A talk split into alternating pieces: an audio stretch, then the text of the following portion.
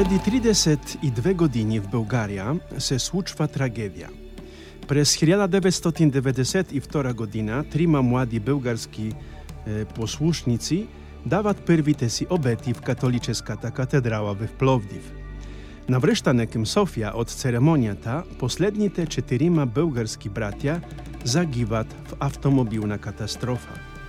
За да се запази капуцинското присъствие в България, тогавашният генерал на ордена нарежда на братята капуцини от Краков, по това време Краковската провинция има най-голям брой братя в света, да изпратят незабавно двама братя в България, които да се грижат за вярващите и да поддържат капуцинското присъствие на Балканите.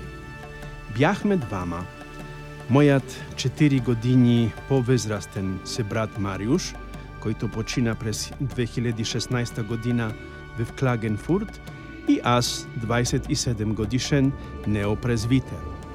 Мариуш беше свещеник само от 3 години, а аз бях ръкоположен само от един месец.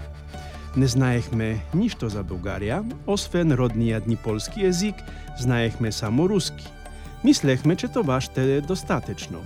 Нищо не можеше да бъде по-далеч от истината – но се отозавахме на Божият призив и отговорихме да, доброволно, като Самуил в днешното първочетиво. И тогава започна една история, която водеше през Европа, Индонезия и Мадагаскар, за да ме доведе до Северен Тирол, за който знаех, че има един ски е, шанса и това беше всичко.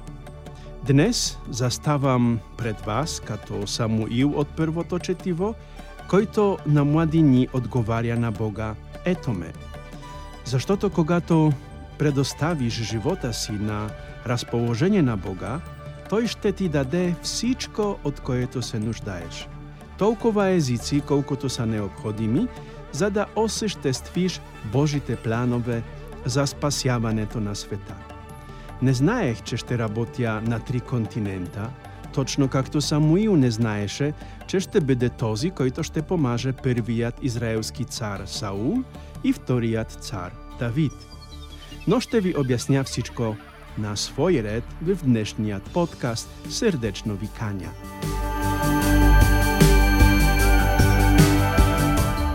свой ред в днешният подкаст Сърдечно викания. Аз съм отец Кшиштоф, аз съм капуцин, живея в Инсбрук и от над две години записвам подкастите с моите размишления за неделните четива, както и понякога разказвам за мисиите в Индонезия и Мадагаскар.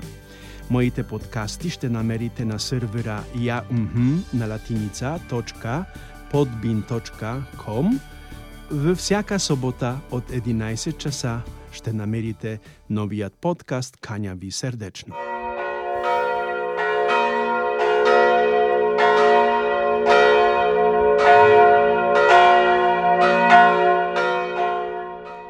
Zabelazali liste w żywota si, czy Bóg nikoga nie dawa nulewo jedinstveni odgovornici, kato komputer 0101.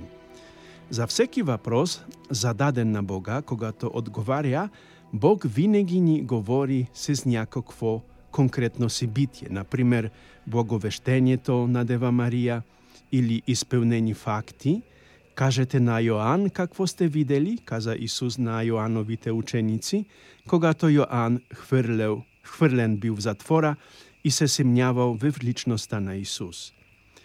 По подобен начин Бог нарече теб и мен, братко и сестро, когато имената ни бяха записани в книгата на живота при нашето кръщение, но Бог не ни каза какво ще се случи с нас – а ни покани да дойдем при Него, както апостолите в днешното Евангелие. Елате и вижте.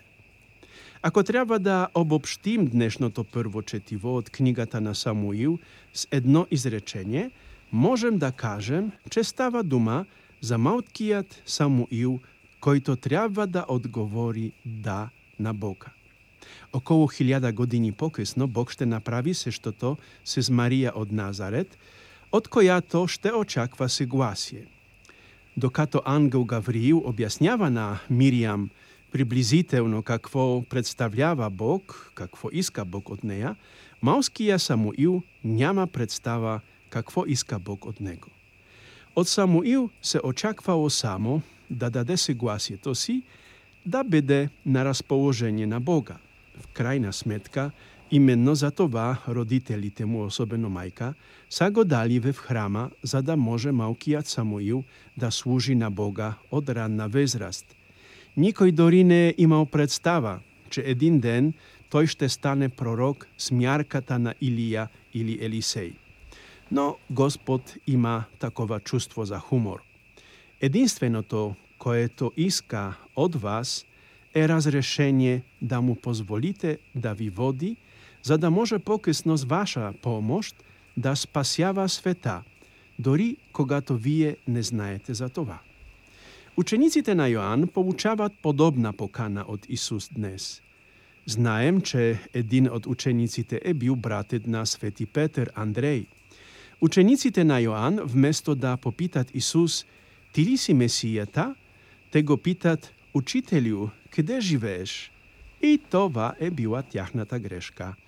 Защото, разбира се, шегувам се, защото отговорът можеше да бъде само един. Елате и вижте. Е, след като си тръгнаха, те не се върнаха при Йоанн повече. Те виждат факти и чудеса, които възвестяват Небесното царство. Първото нещо, което научиха, беше, че вече няма да ловят риба, а ще ловят хората.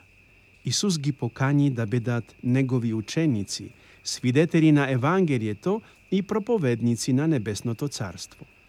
Именно те, след заминаването на Месията, получиха мисия да провъзгласяват Небесното царство по целия свят.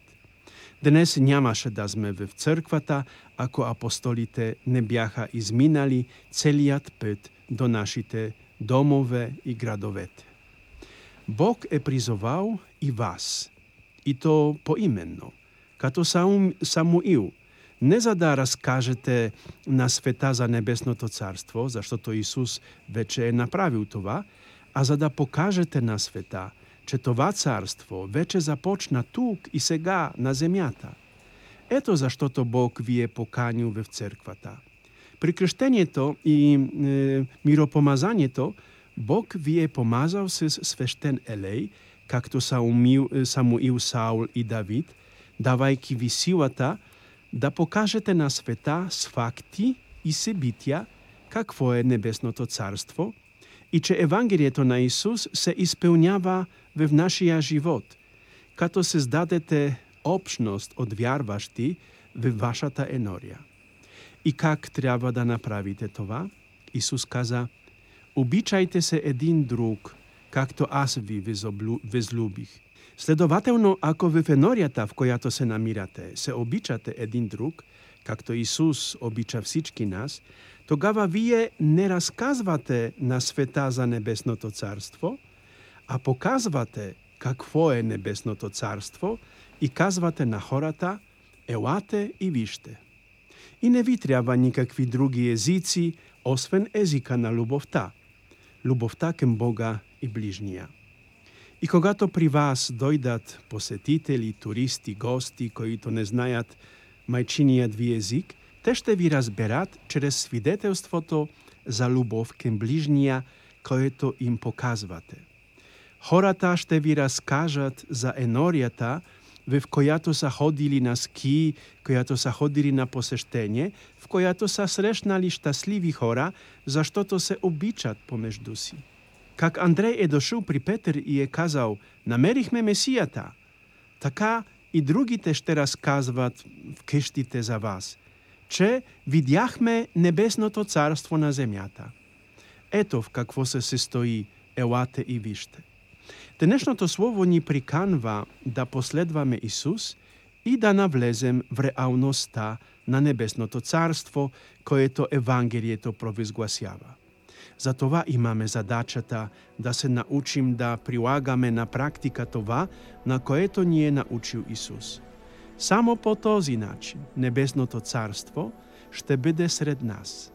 Смялост, братя, кураж! Не се страхувайте да откликнете на Христовата покана, елате и вижте. Светия Дух ще се погрижи за останалото. Амин.